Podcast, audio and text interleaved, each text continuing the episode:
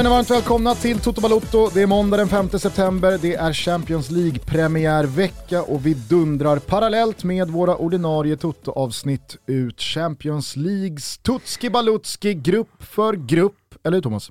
Jajamensan, vi har ju våran mall som vi går efter. Det är roligt att göra, man får lite bättre koll på lagen. Jag hoppas och tror också att det är lite uppskattat för alla som eh, är inne i ligalunket och kanske följer det allsvenska slutet eh, nu när Champions League lite också Um, ja, men så här, från ingenstans, nu gör ni mycket reklam borta på Telia Simor. men, men, uh, ja, men det kommer ju in som en liten bonus uh, i fotbollsvardagen. Ja. Och det tycker jag är jävligt, jävligt härligt. Det var ju midweek förra veckan. Ja, det tyckte jag var ett fint inslag. Nu kommer Champions League och eh, Europa League för all del också på torsdagar. Och, och konferensen, konferensen med, med, med, svenska lag, både Malmö och Djurgården som är med och spelar. Så att, eh, Malmö spelar väl ändå i Europa League? Exakt, jag sa i konferensen och Europa League Aha, med, ja. eh, med, med Europa-deltagande. Sådär. Så det är jä jävligt roligt eh, och en skön höst att se fram emot. Vi ska efter det här avsnittet spela in Tutski Balutski Grupp H och det ska bli extra roligt för då ska vi faktiskt ringa upp en av våra svenska spelare som ska ge sig in i den här elden, Daniel Sunkani Sundgren som eh, spelar i Grupp H tillsammans med sitt Maccabi Haifa. Underbart. Det känns eh, väldigt välkommet för att man är hyfsat blank i övrigt ska när det kommer till Maccabi Haifa. Ska han kanske få hjälpa oss då med några kategorier? Han ska hjälpa oss med alla. Ah, han ska göra det? Ja. Så det inte blir som Zagreb. Ja. Jada, jada, jada. Nej, men det är, alltså, eh, Sundgren är väl införstådd med att han kommer få sex frågor. Ja. Hur gick fjolårssäsongen? Vad har ni för tränare? Ja, Vilka har ni, eh, för, eh, förutom dig själv, plockat in i sommar? Vilka har ni släppt? Och så vidare och så vidare. Tror han kliver på Ruben?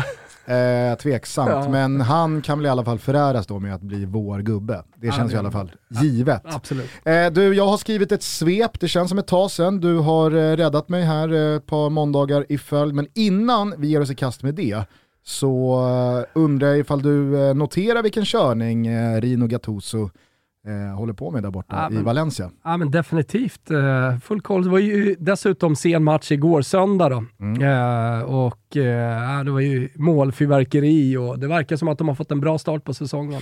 Han har ju eh, tagit över efter, kommer du ihåg den gamla spanska förbundskaptenen Camacho? Oh ja. Kommer du ihåg vad grejen med honom var? Nej.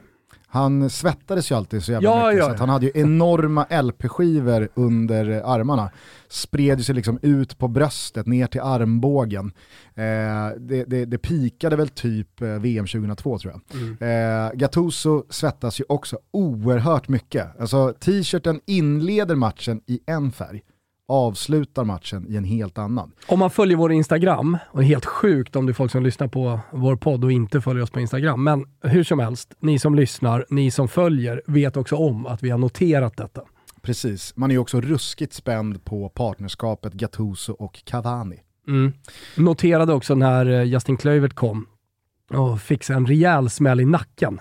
Det, det, det är en sån här grabbig fotbollsgrej, du vet. Smälla ah, någon ja, i nacken. Ja, ja eh, för att han var så dålig på italienska. Va, så, så fan, du, har varit, du har varit tre år i Italien, du vad, kan inte bättre eh, italienska. Så fick jag sen så här, smäll med nyp i nacken. Alltså, det känns också som en oerhört italiensk övning det där. Alltså, ja, i och för sig. Man, man har ju liksom aldrig sett den i något annat land Nej. eller från någon annan nationalitet. Utan det, det, dök ju upp, alltså när jag själv började följa Serie A intensivt i, i slutet på 90-talet, men kanske snarare några år senare, början på 00-talet så blev det så, alltså när någon gjorde mål och klungan firade, alla skulle liksom dit och daska nacke, ja. slå på huvudet. Det var liksom, ja. jag vet inte. Ja, det är en kulturell äh, grej det där. Sen vet jag inte äh, om du kommer ihåg hur det såg ut i våras när Roma vann konferensen.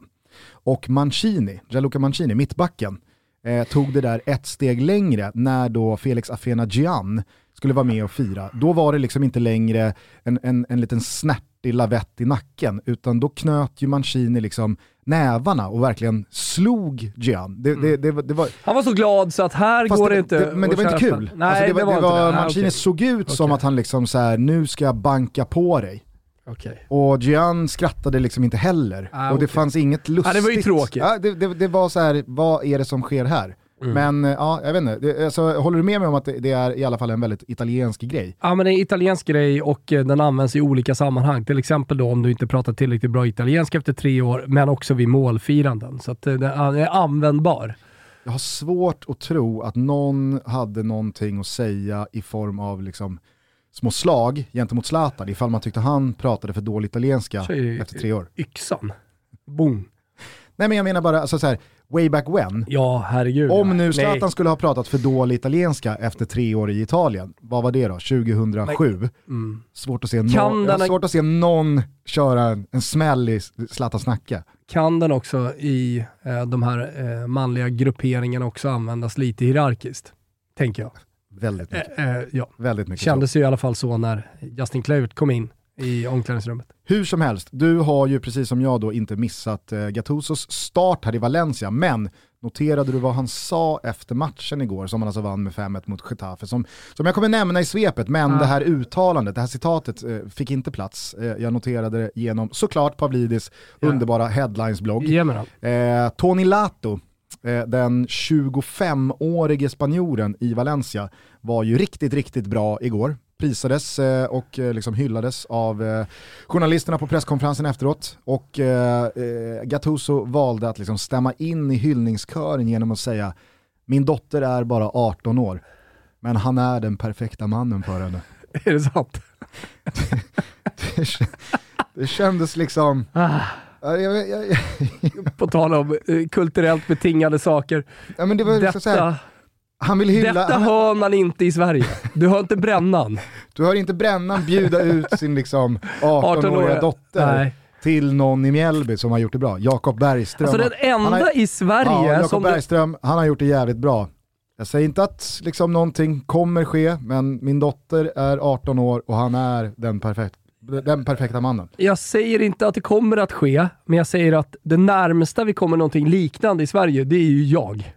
Alltså, när Stella är 18 år och spelar i AIK mm. och jag trä... Vad fan gör jag? Vad gör jag då om 5-6 år? Det, det ska bli spännande. det, det ska bli spännande ja, jag tycker jag också. Inte eh. helt uteslutet att du är sex fot under. Nej, det är det ju inte. Alltså, jag har ju sagt det själv, att det, det ska mycket till. Så passa på att njuta av showen här nu, även om artisten har lämnat byggnaden. Vad är det du kör eh, för eh, Twitter-bio? Lev fort, dö ful. Ja, exakt. I Svullos mm, anda. Exakt. Uh, ja, nej, men jag vet inte, men uh, alltså, det, det, är, det är större favorit på att du liksom anammar Gattusos hyllning här till någon spelare. Än att brännan, att brännan gör det. Nu ska han i och för sig ner till Balkan exakt. kanske och lära sig lite, lite kultur, lite Balkankultur. Där kan jag tänka mig att nacksmällan finns. Han ska väl tillbaka? Röda Stjärnan? Ja, nej jag menar bara att Brännan var väl en sväng. Eh, exakt, ja exakt. du menar så ja. Han ska tillbaka till Balkan. Absolut. Absolut. Eh, men eh, ja, vi får väl helt enkelt se vem som eh, plockar upp Gattusos eh, fackla här om några år. Det kanske inte är någon och eh, det är inte så att jag tycker att någon liksom, behöver nej, göra nej, det. Däremot så kan man väl konstatera att det, det, det kommer bli roligt och kul att följa Gattusos framfart som Valencia-tränare. Mm. Vill du höra svepet från helgen? Jättegärna. Här kommer det. Veckans svep tar avstamp som så många gånger förr i Premier League. Där Manchester United staplade fjärde raka segern på hög och den här gången mot hypat motstånd, nämligen Arsenal. Bataljen på Old Trafford svängde och krängde åt båda hållen. Lagen hade bra perioder om vartannat, men i mitten av den andra halvleken så vaknade Marcus Rashford från de döda och tryckte in både 2 och 3-1. Första förlusten för Gunners, styva segel för Ten Hag och miljardvärvningen Anthony i målprotokollet direkt. Oj vad det går. Haaland gjorde mål igen, men Manchester City tappade ändå poäng mot Aston Villa. Liverpool gjorde inga mål mot Everton, släppte heller inte in några, men de tveksamma insatserna fortsätter alltså att avlösa varandra. Brighton slaktade Leicester fullständigt. Brentford gjorde detsamma med Leeds. Newcastle fick hål på Crystal Palace, men ändå inte. Och West Ham blev unisont rånade på poäng mot Chelsea, som vände och vann genom Ben Chilwells 1 plus 1. Blytung seger för Bompan som nu har fyra pinnar på två matcher sedan Scott Parker fick gå och Tottenham gnuggade återigen fram tre poäng utan att briljera, den här gången hemma mot Fulham. I Italien så sprakade det om lördagens meny där Luka Jovic först brände chansen att bli smått odödlig från 11 meter när han missade straffen mot värsta rivalen Juventus. Den gamla damen lämnade Florens med en poäng och av någon anledning så lämnade Max Allegri Dusan Vlahovic på bänken hela matchen. Kvällen fortsatte sen på San Siro där Milan vände och vann ett otroligt underhållande Derby della Madonnina och stora matchhjältar blev Mike Maignan i målet men framförallt Rafael Leao som gjorde 2 plus 1 när de regerande mästarna vann med 3-2. Oj, oj, oj, oj, oj, vilken kväll det var. Napoli avrundade den med att återigen besegra Lazio i Rom. Gangnam Style Kim och Kvicha Kvaradona gjorde målen och jag blir såklart oerhört provocerad av allt detta. Men inte lika mycket som jag blir provocerad av 4-0 i brakan mot Udinese, för det var vad Roma åkte på igår kväll på Dacia Arena. Brrr. Men som José Mourinho sa, hellre en förlust med 4-0 än fyra förluster med 1-0. Vilket jävla geni han är, ja. portugisen. Eh, vi tar också med oss Isak Hiens första start för Hellas Verona när de gulblå vann med 2-1 hemma mot Sampdoria. En ogenomtränglig mur, skrev Gazettan. Vilken start han har fått, Isak Hien. I Spanien så kan Barcelona mycket väl ha sett till att Julian Julen Lopetegi tränat Sevilla för sista gången i La Liga. De vitröda har nu inlett säsongen med en poäng på fyra omgångar och 3-0-förlusten mot katalanerna hade kunnat bli dubbelt så stor om Barca bara hade haft lite bättre skärpa. Det ser för Sevillas del uppgivet ut, minst sagt.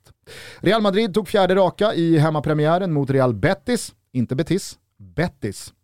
Chouameni imponerade och brassarna gjorde målen framåt. Atleti tappade poäng mot Real Sociedad. Valencia fick, som ni kunde höra, proppen ur hemma mot Getafe och vann med 5-1. Och Martin Braithwaite fick sin upprättelse när han med matchens enda mål sköt samtliga poäng till sitt nya Espanyol borta mot Athletic Club.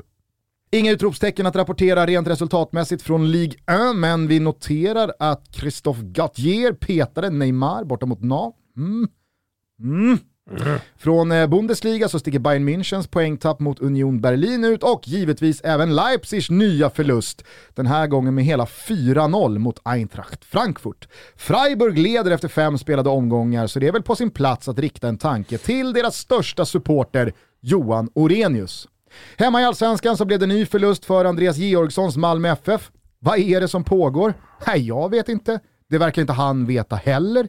Elfsborg tog hur som helst första segern sen i juni och den behövde sannoliken Jimmy Tillin. Biffen grävde med Kristoffer Karlssons hjälp fram en trea i Uppsala när Kim och Tolle ställdes mot sitt gamla Sirius. AIK gjorde 4-0 mot Giffarna, men den stora grejen hämtar vi från hissingen. För där trodde nog väldigt många att Häcken genom Rygård och Jeremejeff tog ytterligare ett kliv mot guldet när den senare gjorde 2-1 i 88. Men Degen lyckades kvittera på tilläggstid. Är det är det, är det det stora darret som Wilbur José garanterat som nu börjat visa sig? Det kanske är det. Vi kan börja i Allsvenskan där med Malmö. Mm. Eh, tänkte på en grej eh, under svepet. Eh, vi pratar ju väldigt mycket om eh, tränare och kontinuitet i en klubb och eh, det hårda arbetet eh, för att kunna vara ett självspelande piano likt Klopp där det är telepatiskt Kanske inte just nu. men det har varit eh, det har i alla fall. Nej, men, eh, och det är rotationes och så vidare. Vi har pratat om eh, Pioli i Milan och hans gärning som ledare, men också för all del rent taktiskt måste man ju hylla honom. Och att det är viktigt att ha den kontinuiteten. Och, och sen så ställer vi oss frågan, liksom varför större, funkar inte... En större summa eh, än de individuella ja, enheterna. Ja. Nej, men att det, att, och att det är otroligt viktigt med en bra tränare, mm. att man får den kontinuiteten. Och så ställer vi oss frågan, vad är det som händer med Malmö egentligen? Varför funkar det inte i Malmö? Nej, men det är väl bara att titta på de senaste åren och den tränaromsättning som de har haft. Eh, det, det, alltså, det, jag vet att jag sagt det här förut, jag, jag, jag, vill liksom inte upprepa mig, men de kan inte gå till den hyllan på spelarmarknaden och handla så att de bara liksom kan sätta in vilken tränare som helst eller ha vilken tränaromsättning som helst. Utan det är en hylla upp. De har byggt bra, de har bra spelare och så vidare och det gör att de kan vara i toppen av allsvenskan. Men för att vinna så måste du ha kontinuitet på tränarsidan. Du måste ha en tränare som liksom driver det här laget kollektivt framåt, får ihop alla bra spelare. Och det har de inte. Alltså är inte, det, är inte svaret väldigt, väldigt enkelt? De sitter med sportchefen som tränare just nu. Alltså, jag, jag, kan väl torska mot Elfsborg med 3-2, det är väl inte konstigt? Både, både ja och nej, rätt och fel tycker jag. För att är det någonting Malmö ändå har, så är det ju trots sin rejäla tränaromsättning det senaste decenniet så har man ju kontinuerligt antingen fightats om SM-guldet hela vägen ja, men... in eller så har man vunnit det parallellt Frågan med det- var väl vad är det som händer med Malmö just nu? Varför Nej, torskar de mot Elfsborg? Jag, jag, jag vet, jag, skulle nog snarare säga att felet nu känns det ju som att det, det, är inte, det är inte tränaromsättningen i sig som är problemet, det är att det känns väldigt, väldigt riktningslöst. Det känns som att de inte har koll på bitarna. Men det är För det jag menar. att Malmö kan ju byta För tränare att få mellan två koll på delarna, för att sätta rotationes, Ja. för att få eh, ett lag att spela som ett självspelande piano och eh, för att få ett lag att vinna ett SM-guld, så måste du ha eh, kontinuitet, eller du måste ha en tränare som jobbar stenhårt med det här laget eh, varenda dag under veckorna. Mm. För att Malmö kan inte, alltså de kan köpa dyrt och de kan köpa jävligt bra spelare, men de kan inte köpa spelare så att det funkar hur som helst. Nej så är det ju, och, och jag menar, eh, alltså så här, det, det är ju såklart en utslagsgivande faktor i varför Malmö inte har kunnat distansera sig från övriga svenska lag, trots att man har så oerhört mycket mer pengar än alla andra. Men jag tycker eh, liksom, i, i, i det här fallet just nu så är ju det intressanta det vi lyfte redan i somras när eh, Milos sparkades, att vad är det egentligen Georgsson säger här mellan raderna? Du kommer ihåg när vi läste Mm. innantill Absolut. i intervjun med eh, Fotbollskanalen och han snarare liksom hyllade Milos. Jag har lärt mig jättemycket och han hade mycket mer att ge och det är en fantastisk tränare och jag, jag är imponerad över hur han förbereder träningarna och hur han utvecklar spelarna och jada jada jada. Det var verkligen inte liksom så här, nu har vi gått vidare från Milos, det här är det bästa för klubben, vi tog ett beslut unisont, vi är överens, det här är det bästa för Malmö FF, utan det var ju nästan rakt ut signaler som var att det här är inte mitt beslut, utan det här har kommit ovanför mitt huvud. Jag är bara den som har levererat det, jag är bara böden här. Och eftersom vi inte har haft någon klar ersättare att få in här nu när vi väljer att göra oss av med Milos Milojevic, så får jag gå in och ta det här laget så länge. Och hur påverkar det Georgssons roll som sportchef? Förmodligen oerhört mycket. Jag tycker Per Hansson och Alexander Axén var inne på väldigt mycket bra i, i, i studion igår efter den här förlusten, att när också en tränare kliver in utan raka rör och kommunikation och besked från klubben att han kommer vara tränare säsongen ut, eller han kommer vara tränare här nu i tre matcher. Alltså när, när, när, när det beskedet uteblir, då blir det också sånt jävla liksom, osäkerhetsvakuum. Vad är det som gäller? Är, är Georgsson eventuellt på väg att bli eh, någon permanent lösning? Ska han ens vara året ut? Vet han det själv?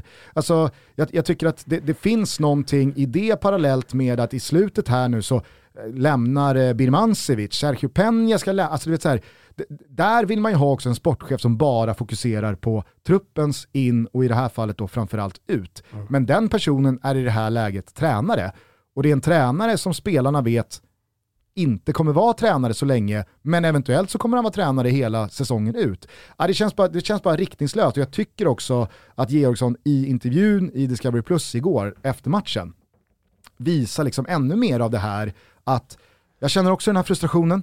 Eh, vi har en seger på fem allsvenska matcher sen han tog över. Förvisso har de gått in i ännu ett eh, europeiskt cupgruppspel. Det var- återigen, eh, återigen, alltså, och återigen kanske det sminkar över Absolut, och jag tycker, å, men, men, men det som sticker ut den här gången, det är att Malmö snarare förlorade sig in i Europa League. Okej, ja. Eh, liksom efter en, en, en usel insats mot Salgiris i Champions League-kvalet, än att man likt tidigare år har stått för riktigt, riktigt bra eh, liksom Euro, Ja. Europakvalinsatser och tagit sig in Ja, i inte, men, eh, det, det, maxmål man kan nå. Mm. Eh, men eh, jag, jag, Men nio omgångar kvar i alla fall, för folk som undrar, så är det att eh, hela nio, 11 poäng upp till Häcken och eh, SM-guldet är ju borta.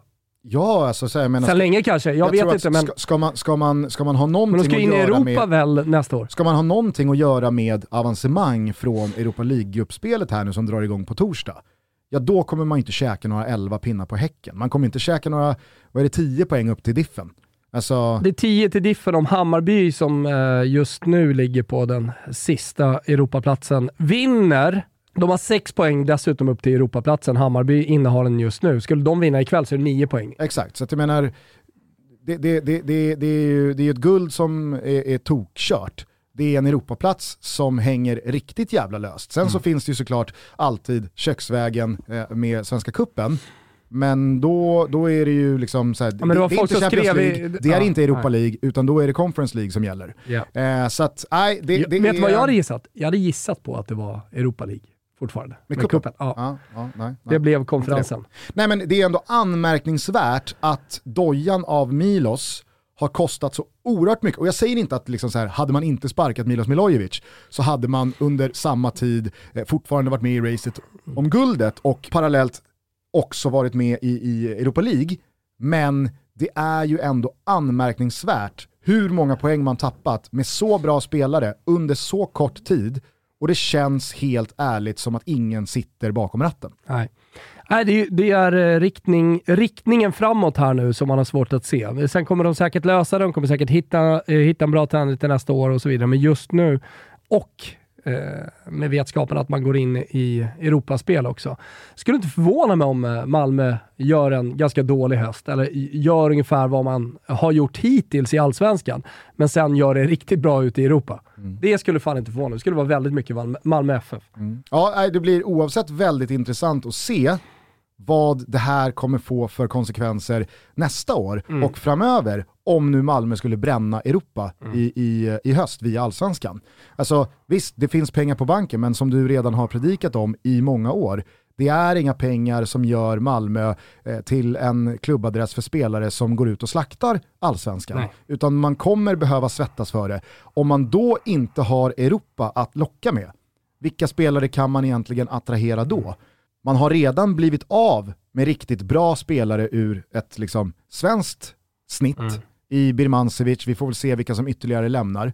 Det är ju spelare som från första början definitivt hamnade i Malmö för att man eh, skulle spela om i, i Europaspel. Nej men eh, så är det. Hur som helst, Malmö där. Eh, igår när det plingade till i telefonen eh, och eh, Jeremejeff återigen gjorde ett sent mål som såg ut att bli en seger, då tänkte jag, nej men det går inte. Nej. Det går inte att eh, bryta ner Häcken. Och jag vet att jag sagt att de ska darra och sådär, men till och med jag började eh, ifrågasätta Du började min, min spådom här. Men, eh, nej, men sen kom det. Mm. 90 plus 4. Och det finns en fara i att göra de här sena målen. Alltså, förr eller senare så antingen gör du det inte, eller så kommer också en, en kvittering. Och eh, ja, det, det, det, alltså så här, det är ju starkt. Det är ju som när Djurgården vann SM-guld senast.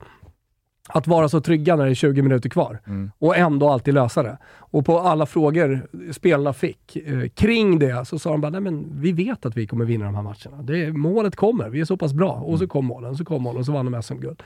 Jag Jag, är inte, jag är inte lika säker på att Häcken är eh, lika självsäkra i de, i de sista minuterna. Nej, och det hade ju i sådana fall varit fullt rimligt med tanke på den icke liksom, SM-guld-vinnarkultur som finns där. Det är inte speciellt många spelare i det där laget som har eh, vunnit eh, några SM-guld.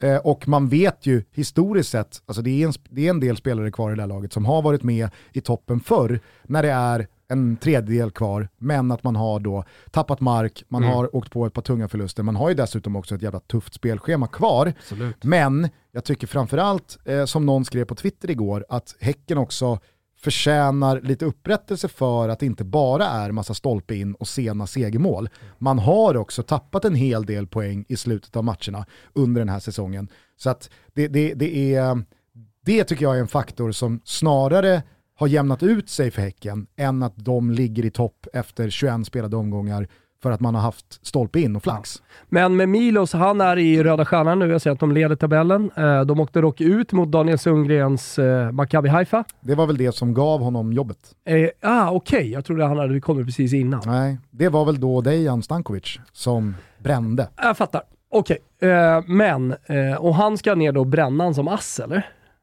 Vem vet? Ah, Okej. Nej, jag trodde allt det här var Hade superklart. jag, liksom. hade jag varit bränd, nej men eh, alltså fan du, du har väl tätare kontakt med honom, eller inte? Jo, men jag har inte hade haft det nu på slutet. Jag tänker han har mycket att göra. Jag, hade jag varit brännan, i synnerhet med den erfarenhet han har från Balkan, han Ja. vet ju hur, liksom, hur nyckfullt det är och hur liksom opålitligt hela det där liksom fotbollssammanhanget är. Jo, jo. I synnerhet för en sån som Andreas Brännström, och då pratar jag alltså om en svensk i någon form av assroll. Mm.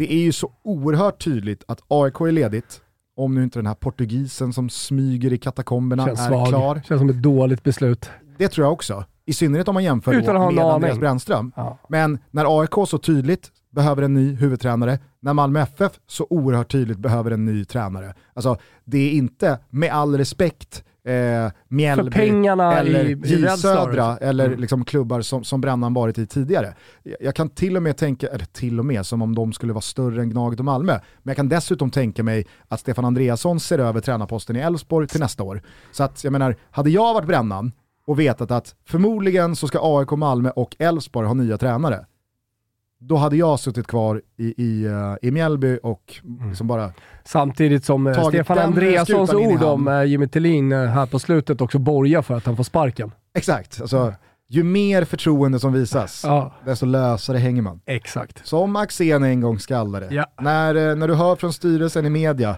att du sitter säkert, då, Då vet du. då är det bara, Bara packa väskan och bara åka gå in hem. på Hemnet och börja preppa annonsen. Exakt. Ja. Men eh, p- eh, om det här då eh, får gå lite, jag tänker på eh, presskonferenser och vad liksom Georgsson säger och att det känns eh, ja, som att det är lite riktningslöst. Mourinhos eh, genialiska presskonferens och ord efter, eh, så tänkte jag också på Max Allegris ord efter matchen eh, som slutade 1-1 på Artemio Franki. ja, vad sa han? Sa han Han- någonting om Dusan Vlahovic? Han måste ju fått frågan. Aj, han, ing, han, var, han var lurig kring det, men framförallt så... Men är det inte väldigt konstigt? Jo, Alltså Vlahovic i dokumenterad bra form. ja. Juventus har tappat poäng i två av dittills fyra omgångar. Mm. Man spelar förvisso Champions League-premiär på tisdagskvällen borta mot PSG, så det är ju ett tufft test. Men när det står 1-1, Mm. alltså okej att man börjar med honom på bänken, men, men varför man inte byter in honom med en halvtimme kvar, Mm. det övergår i alla fall mitt förstånd. Ja, eh, men det jag tycker sticker ut är att han är, han är ganska nöjd med matchen i Florens. och Nöjd med resultatet och det, det, här, det här är tufft då. Liksom. Åka till Florens och sådär. Det, det, går, det går inte att vara som Juventus-tränare. Alltså, du kan inte vara nöjd med 1 och speciellt inte som det faktiskt är Fiorentina som eh, driver på det här för att vinna. Och, när man också har då och kryss mot också. Sampdoria, man har kryss hemma mot Roma i ryggen. Ja. Alltså det är så här, Du har inget tålamod, i alla fall inte från supportrarna. du kommer från en helt titellös säsong Ja, som varit en av de sämsta i modern tid. ja. Ja, Nej, det- så att det, det, det var eh, Men, vad- men, anmärkningsvärt. alltså, han, han, han predikade då, det här är bra. Ja, exakt. Bra kryss borta mot eh, Fiorentina. Och det, det, det, det, jag vet inte, det kan ju falla tillbaka på honom. Eh, för det är ganska många grejer här nu. Det, det är den här, det här hålet på mittfältet som har uppmärksammat. Det är den här eh, prestationen. Det och då som pratar kanske du om det räddar spelmässiga hålet eh, på Exakt. mittfältet. Ja, och det är det han har kritiserats Ja. mest för. Att det, det, det känns som att det, det är en fotboll som är Allegri daterad. ball. sådär. Det är Allegri ball och vad det är nu liksom. Vi Eh, spelar utan mittfält. Ja, vi spelar utan mittfält. Men det som kan rädda honom lite, det är ju att Paul Pogba och Kesa kommer ju tillbaka snart. Eh, två spelare som såklart kommer göra enorm skillnad om de får vara skadefria och se bra ut från start. Eh, Deras, deras två första matcher, respektive första matcher, blir ju så fruktansvärt viktiga att se vad kommer de tillbaka i för slag Har och hur du, lång tid kommer det här ta? har du noterat det senaste i Pogba-gate, alltså med häxdoktorer och så vidare? Ja, vi kanske sk- ska sätta kontexten här för alla som inte har hängt med. Men eh, Paul Pogbas brorsa har ju då alltså anklagat eh, eh, han, ja, Paul eh, för att ha kastat en besvärjelse, en, en, en eh, troll, häxdom då på Det är så Eh, jävla fint uttryck, att kasta en besvärjelse över någon. Exakt. Eh, och betalat miljoner för detta. Eh, och, eh, på Zidane, eller? Nej, Mbappé. Mbappé. Nej, sorry, just det. Zidane. Mbappé. Riktigt, Var fick jag det ifrån? Zidane gör väl liksom ingenting nu? Han gör fan ingenting. Fan ska han ha jävla besvärjelse över sig? Det känns ju ruskigt jävla dåligt spenderade pengar. Då har man för mycket Alltså deg. Mbappé är en bra spenderade pengar. Ja, ja. Eh, Men man har ju så jävla svårt att greppa. Eh, alltså, jag, började fundera på den dansk-italienska etisk-moraliska skalan. Alltså att, att kasta besvärjelser över eh, motspelare. Var hamnar det? Hörde du förresten, eh, eller noterade du förresten en av våra otroliga lyssnare som föreslog att vi ska börja kalla den för DM? Ja, det kan vi göra. Dansk-italienska etiska moraliska skalan, alltså DM-skalan. DM-skalan, eh, och om fem då är neutralt, alltså ett är väldigt gott, så vet du fan om... Fast vadå, den går ju från 0 till 10. Ja, men du måste ju också kunna vara positivt bra. Alltså du måste ju kunna vara bra. Alltså Jo, men- vi har ju gjort om fast, det här lite. Fast 5 har ju aldrig varit neutralt. Jo, men det är ju det nu. Nej, Jo. nej, nej, nej. Nej, nej men då, då, alltså så här, vad, då, blir ju, då blir ju Kindberg med sin nyreviderade 3,5. Okej, så du menar att från noll så finns det en plusskala också?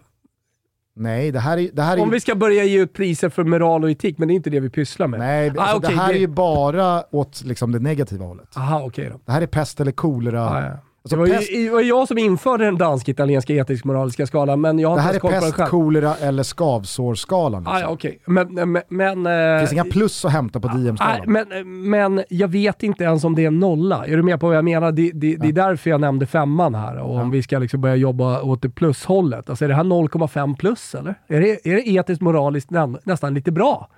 Kanske. Men, vad, placerar du? Ja, men alltså, så här, liksom, besvärjelser, eh, voodoo och häxdoktorer, besvärjelser och förbannelser. Det, det tycker jag ju, jag personligen tycker ju bara det är roliga, harmlösa inslag. Än att jag på riktigt tycker att det är problematiskt. Finns det något mer liksom här? fel. Finns det något mer problematiskt? Det som är förutom- problematiskt, det är väl att det här ska vara en konsekvens av en faktisk utpressningshärva. Ah. Och nu har ju Paul Pogba i något förhör, liksom, eh, han har ju lanserat, sen om det är sant eller inte, eller om han försöker rädda sig själv eller om han försöker rädda sin bror, jag vet inte. Men han menar ju på att det hans brorsa alltså har sagt är en del av utpressningen från utpressarna. Att brorsan också är utpressad. Och att det här är liksom... Vad har det med en besvärjelse av Mbappé att göra? Jag vet inte. Alltså jag, jag får inte ihop helheten. Jag får inte ihop helheten. Men om jag, förs- alltså om jag tolkar det senaste rätt här. Måste så ringa upp Pille på Så Kruger. försvarar ju Pogba sin brorsa för att han menar på att det här säger min brorsa bara för att han också är väldigt hårt utpressad av de faktiska utpressarna. vad vill utpressarna då? De vill ha deg. Annars så ska de berätta att eh, Paul här, Pogba typ. har eh, kastat här är besvärjelse liksom- på Mbappé. Ja, och det här är Men väl- berätta det då, vad ska hända? Ja, uppenbarligen det här. Alltså jag tror inte det är så jävla kul Men för det verkar ju nästan som att det finns här polemik soppan. här mellan Men jag Pogba tror och att utpressningen är liksom att säga, det här är steg ett. Om vi inte får mer pengar eller om vi inte får pengar, då kommer vi berätta nästa grej. Alltså så här, det, är väl, det är väl hela liksom blackmail-grejen Okej. alltså, i, i, i sin renaste form. Eh, men eh, Paul Pogba, om jag nu tolkar det rätt, alltså han, han verkar ju liksom dels skydda sin brorsa, Sen har han, gått med på, han har ju gått med på, han har gått med på bussen. att han har, för att det verkar finnas liksom dokumenterade transaktioner till häxdoktorer. Det är ju nu klarlagt. Jo, men men Pogba menar ju att det är inte någon besvärjelse som har kastats över Mbappé, utan han menar ju på det att han har ju i, liksom, eh, med gott hjärta betalat de här pengarna till en häxdoktor för att det ska vända för någon grupp afrikanska Ah. barn. Vet du vad? Det, det enda, jag- det enda jag- alltså så här, nej, jag får inte grepp om någonting här. Men eh, det verkar nästan som att Pogbas brorsa går emot Paul här. Ja, exakt. Men Paul skyddar brorsan ändå. Och som jag sa, om det är genuint eller om det är för att skydda sig själv eller om det är för att det gjuta olja på vet- vågorna och tona ner allting, det har jag ingen aning om. Jag vet bara att det är en jävla sörja. Jo, men det Det enda vi vet, det enda vi vet, det är att det förmodligen finns någon slags utpressningshistoria här. Men utpressarna, de eh, säger att han har skickat besvärjelse. Han har inte gjort något annat. Etiskt, moraliskt dåligt. Inte än så länge. Beklagligt. Inte än så länge.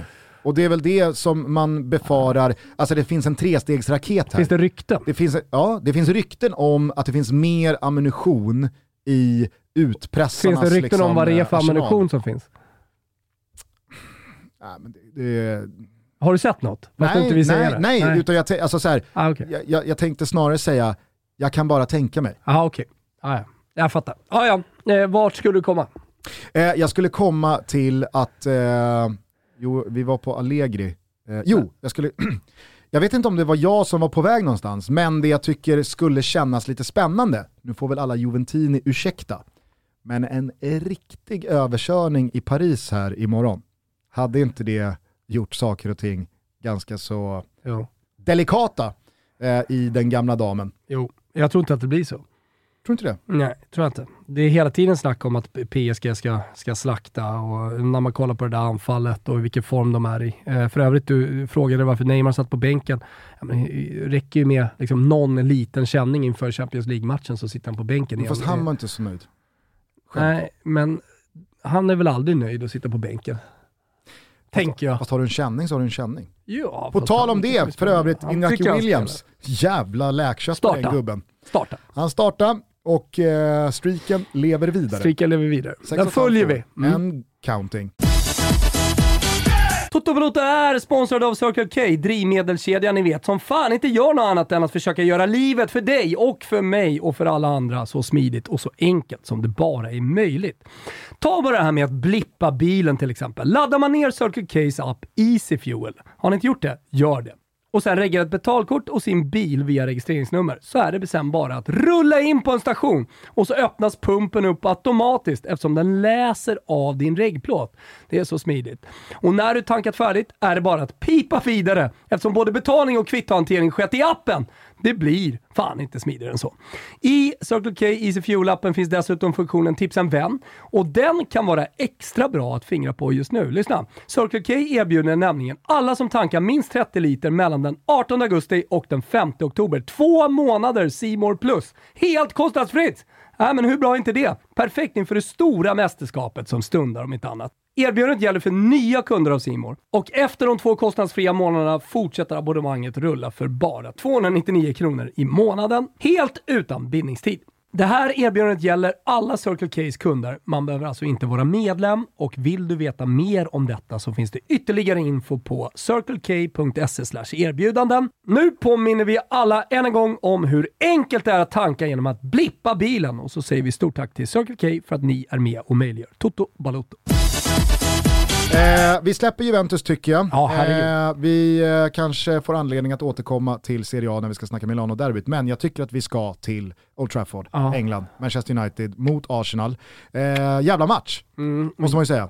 Otrolig match. Eh, så jävla kul att se eh, Manchester United som var ett lag som faktiskt gör någonting på en fotbollsplan. Och på tal om riktning för Malmö FF, så här, här finns det ju en ganska tydlig riktning vart Manchester United är på väg. Såg också en väldigt rolig tweet eh, direkt efter matchen.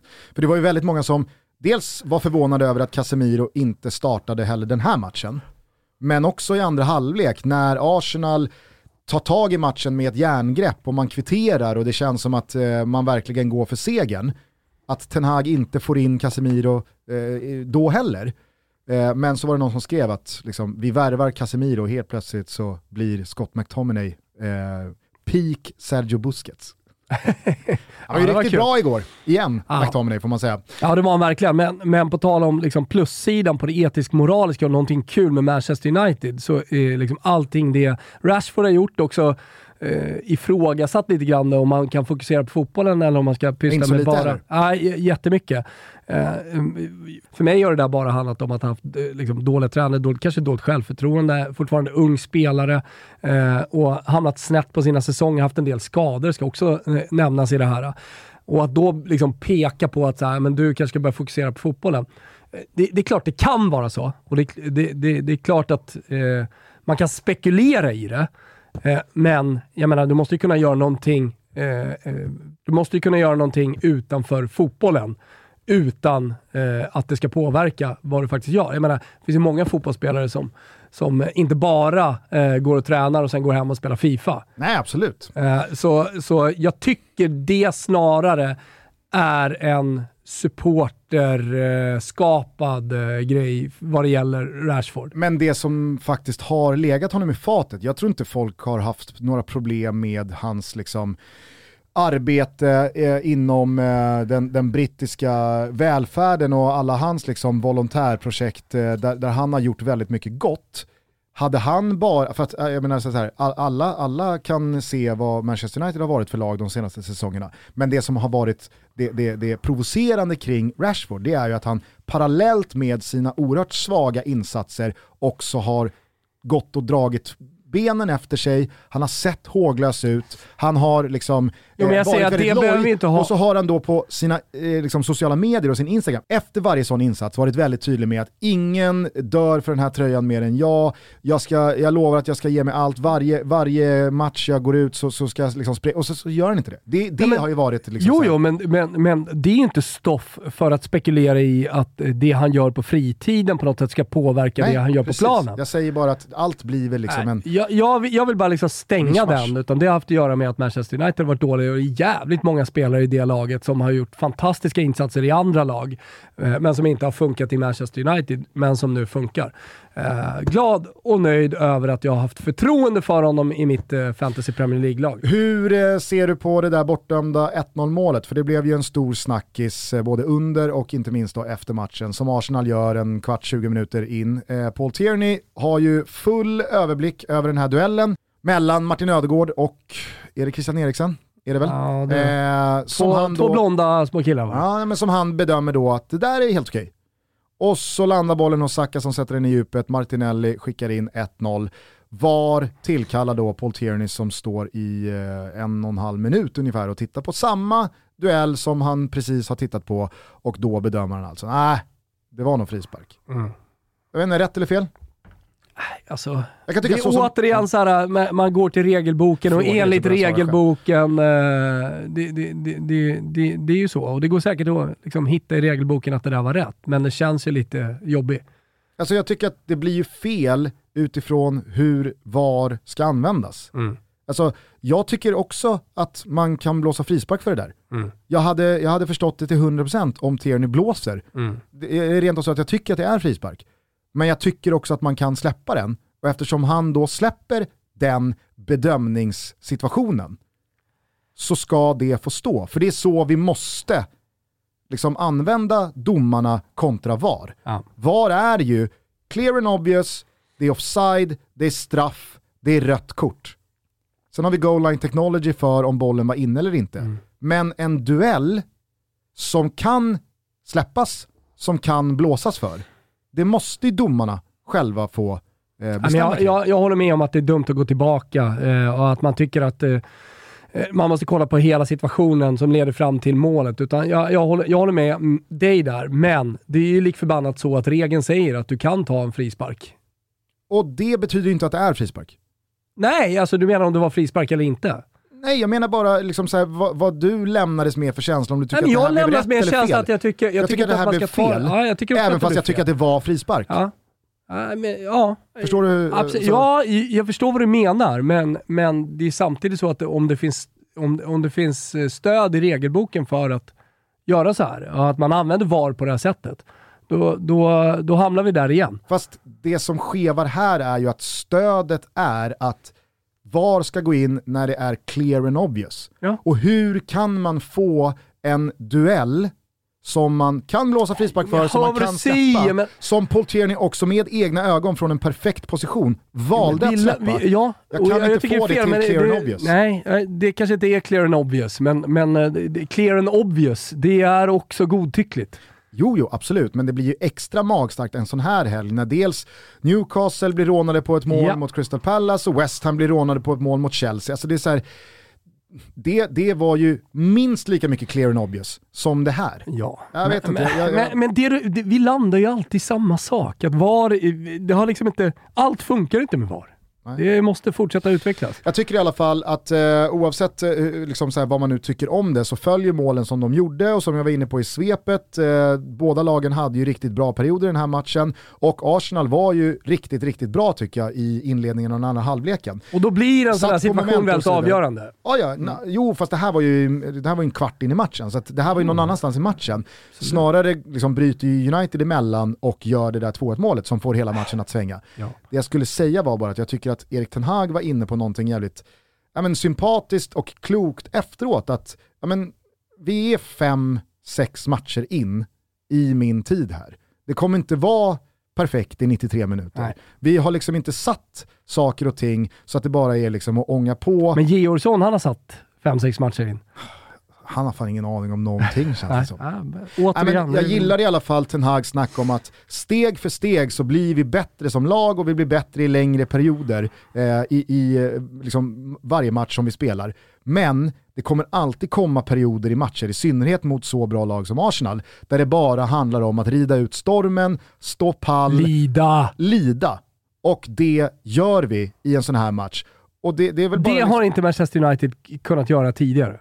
Nej, jag tror i alla fall inte de har gjort det med en tränare som är helt okej med, alltså så här, som, är, som är så liksom pragmatisk kring det.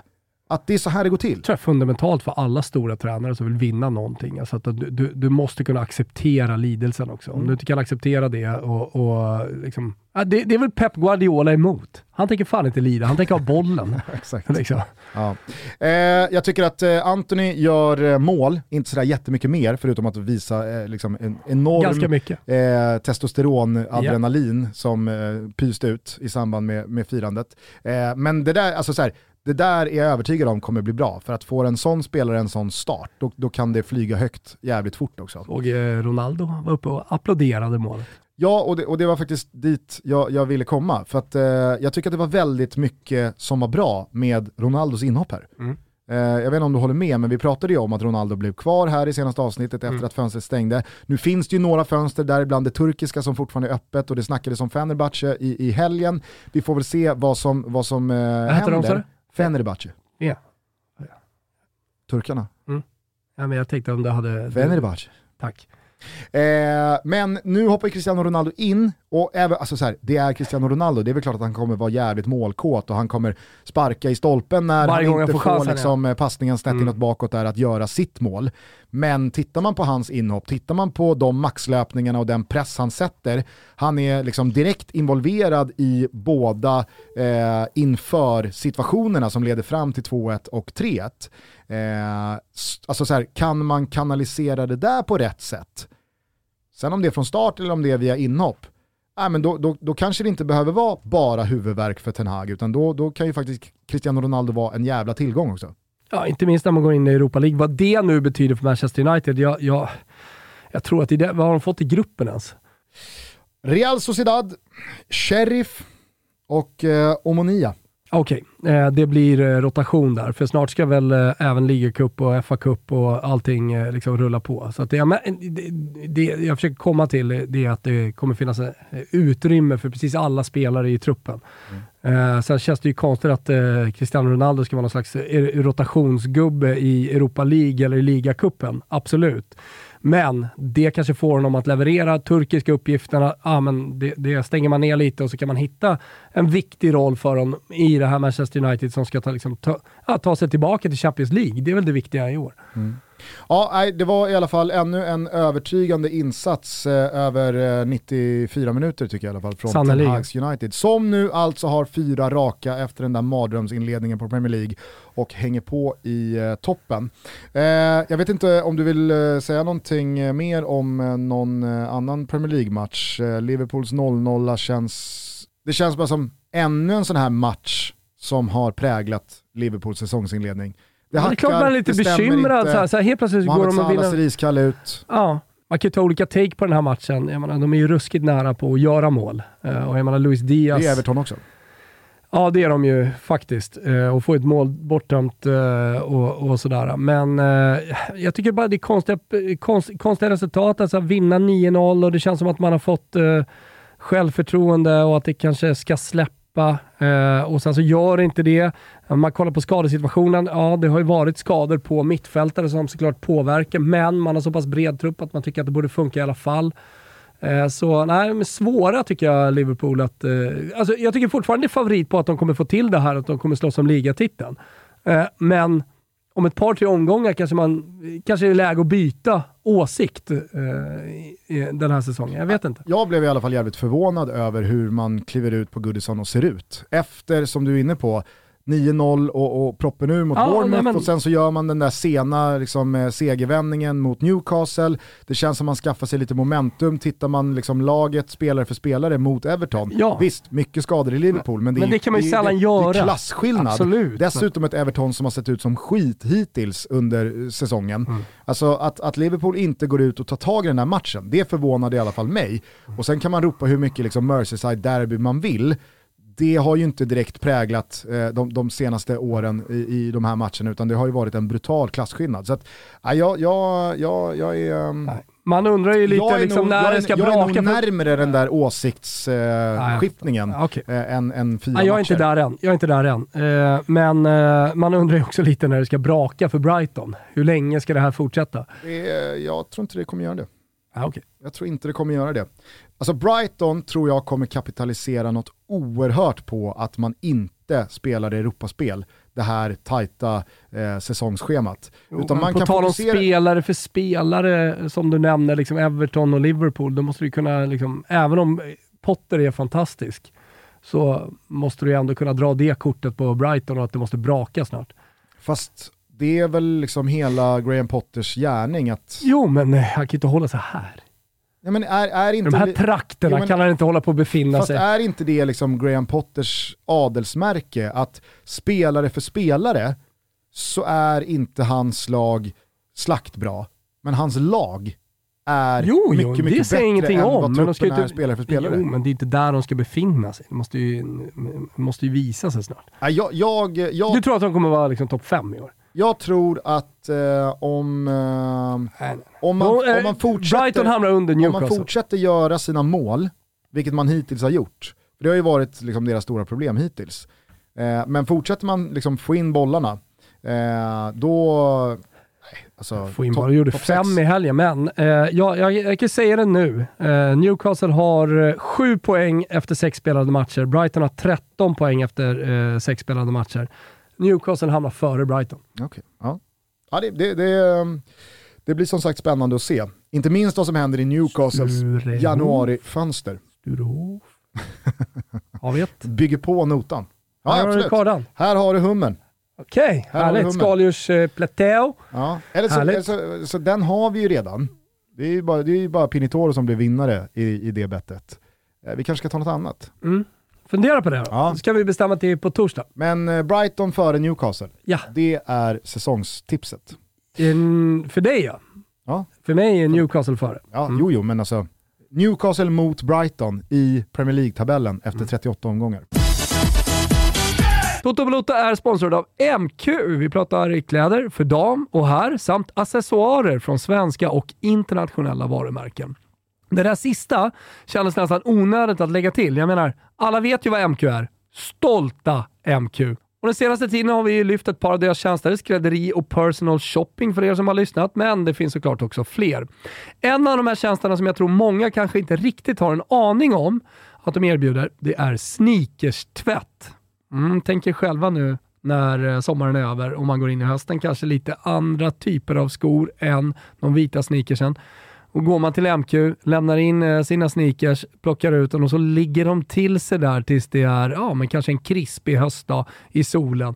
Eller varför inte några som sparas hela vägen till våren så är de sådär nästan som nya. Och det är ju en del i MQs långsiktiga tänk, att de vill hjälpa er att ge era gamla sneakers lite extra kärlek och skaka nytt liv i dem.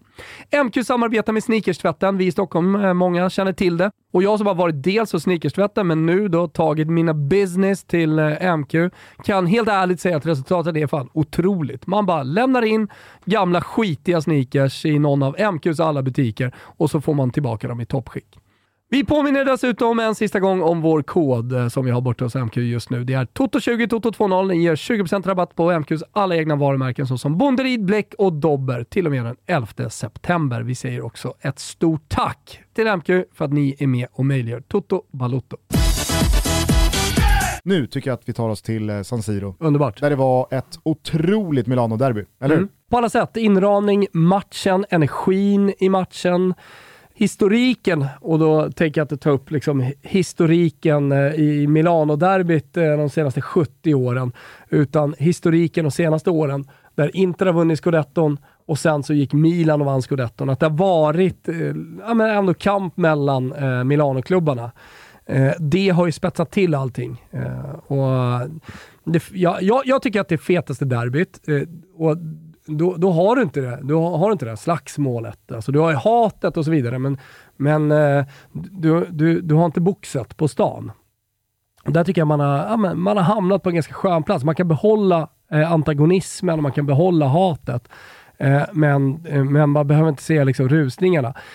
Du har två stycken tifon, eh, alltid i de här matcherna och de är alltid fantastiska. Eh, nu var det, vi hade ju Milan en eh, gråtande intergubbe eh, bland annat då, som man kan använda på sociala medier i all framtid eh, som kommer här. Eh, nej, men sen, och det som händer på planen, alltså, som det sprakar och nyckelspelare som är i form. Och, Ja, jag tyckte det var fantastiskt.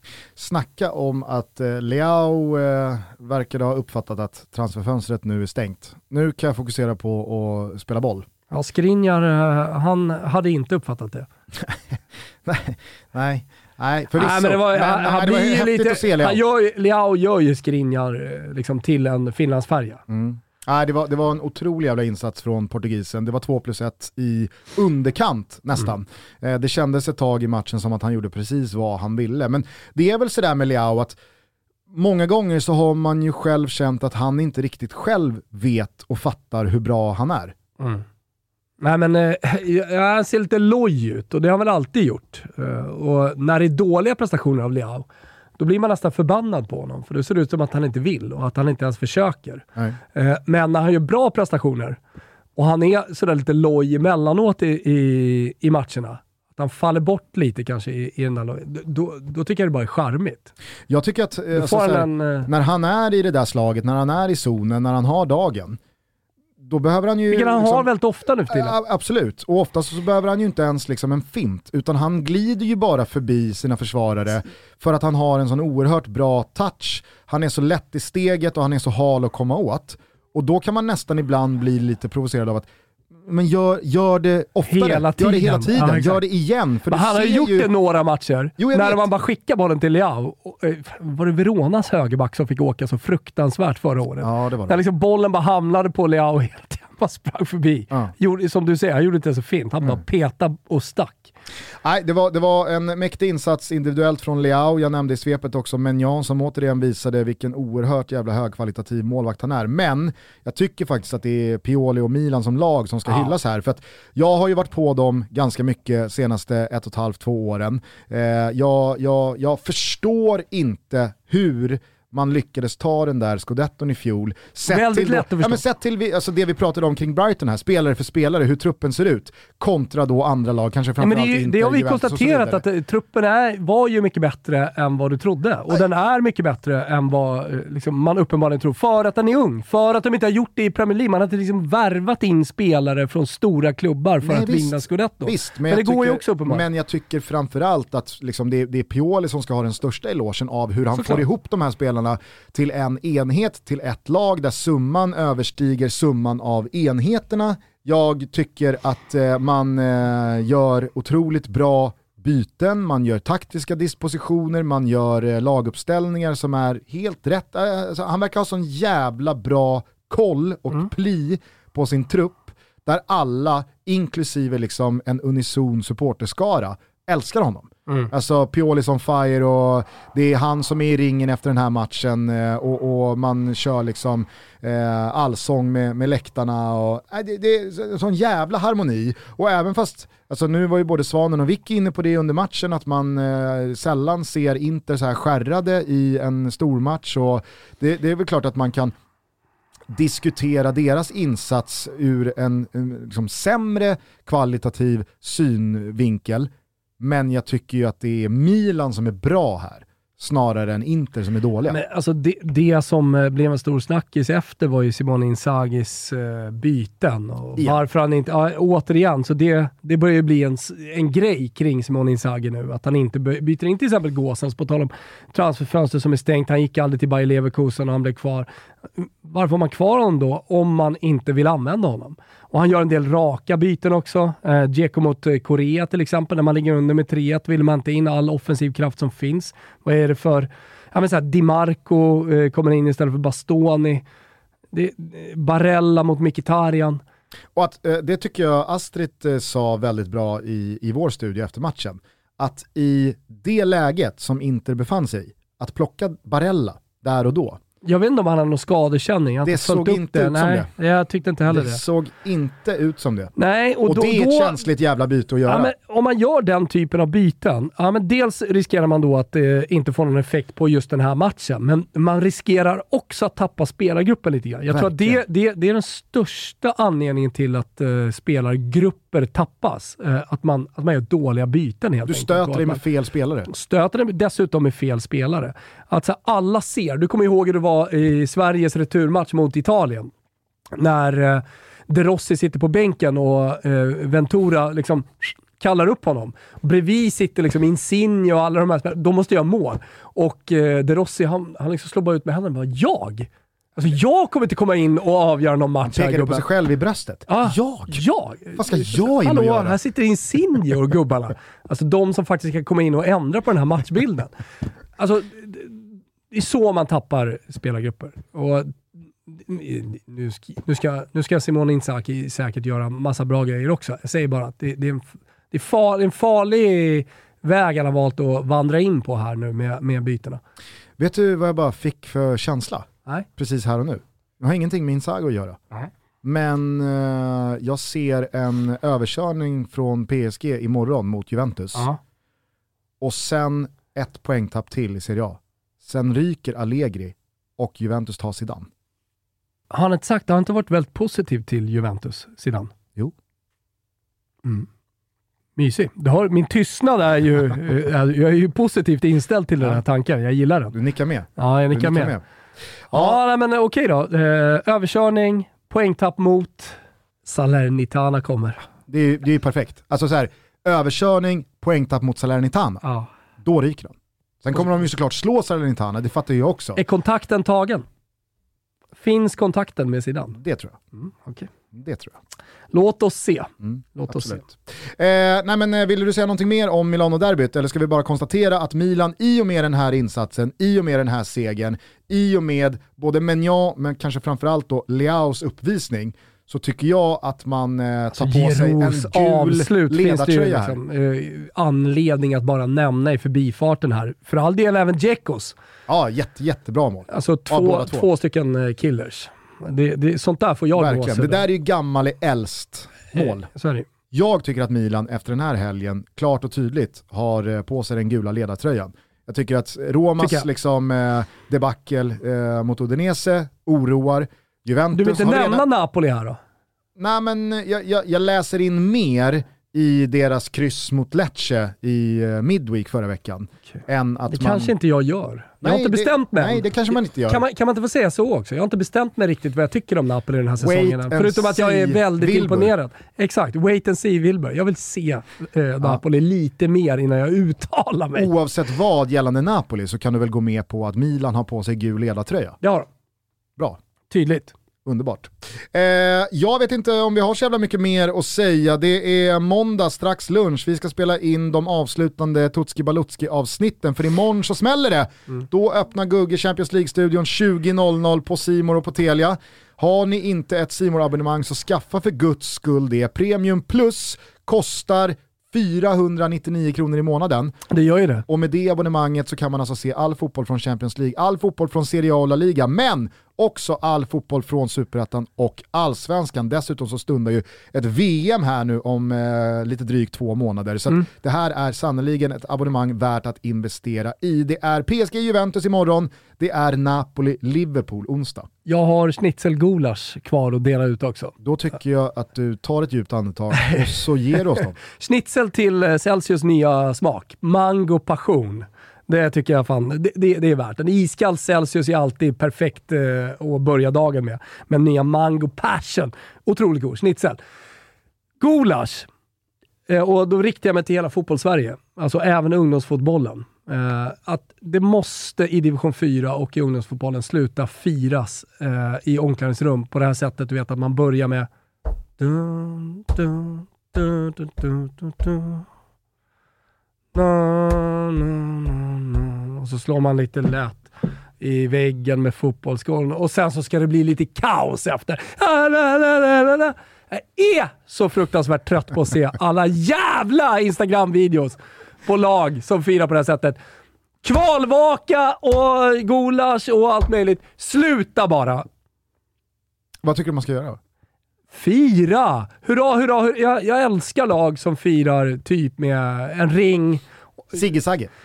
Sigge Sagge funkar absolut eh, med, med så här ring och vi hurrar för segern. Hurra, hurra, hurra. Alltså sådana här grejer. Men du kan inte i varenda jävla segermatch i division 3, 4 och i ungdomsfotbollen fira med lite kaos i omklädningsrum och det där. Alltså en titel kanske, men då ska det ju vara något speciellt. Och då ska fan det där jävla kaoset vara helt galet. Men eh, nej, det får man fan sluta med. Sattyget. Det blir också... Alltså jag ser på min så- Insta-story att det börjar... Na, na, na, na, na. Nu vet jag att de Vasastan gör det, men jag, jag, jag känner liksom att, Ja, ja, ja. att, att, det, det, är liksom, det, det är Vasastan. Efter, efter och- Stockholm. Ja, exakt. Efter Stockholm har ju liksom en Kamala, Kamala i sig. Ja, jo. Men eh, jag tycker också, alltså, så här, eh, på ämnet, det, det blir också så liksom, pruttigt, pyspunkigt när det kaosigaste är att någon, har, att någon har skruvat av korken Ja. på en vattenflaska bara. Exakt. Och så eh, ser man att det är någon som kliver fram. Oj, det filmas, man kollar lite in i kameran, lite nervös. Och nu är det jag som ska in och liksom styra det här kaosfirandet. Och det är, alldeles, Min tur. det är alldeles för många av de där Nervös. videorna som rullar ut efter att det har dött. Exakt. Alltså om man nu ska skicka ut en sån video, då måste man Sluta klippa i videon kaos. i crescendot. Exakt. Alltså i kaoset, så att man som tittare lämnas med känslan, helvete. Men framförallt så måste man sluta fira. Men här är det för många videos som bara liksom får med när det liksom dör. Och så är det liksom, no, Ja, no, det har man hör, helt man hör någon liksom matris, Ja. man plockar upp efter Ja. och, så vet, och så bara, Det är snus på golvet! Nej, eh, men framförallt måste man sluta med detta. det måste man. Ja. Det måste man. Eh, hörni, eh, om ni vill så ses vi imorgon alltså i Champions League-studion, även på onsdag. Glöm inte våra Tutski Balutski Champions League-avsnitt här nu. Eh, det finns två rykande färska idag måndag, det finns ytterligare två att hämta imorgon tisdag. Jajamän! Så hörs vi igen på fredag. Ciao tutti! Ciao tutti! She was driving last Friday on her way to Cincinnati on a snow white Christmas Eve. Going home to see her mama and her daddy with the baby in the back seat. 50 miles to go and she was running low on faith and gasoline. It'd been a long, hard year. She had a lot on her mind and she didn't pay attention. She was going away too fast. And before she knew it, she was spinning on a thin black sheet of glass. She saw both their lives flash before her eyes. She didn't even have time to cry. She was so scared.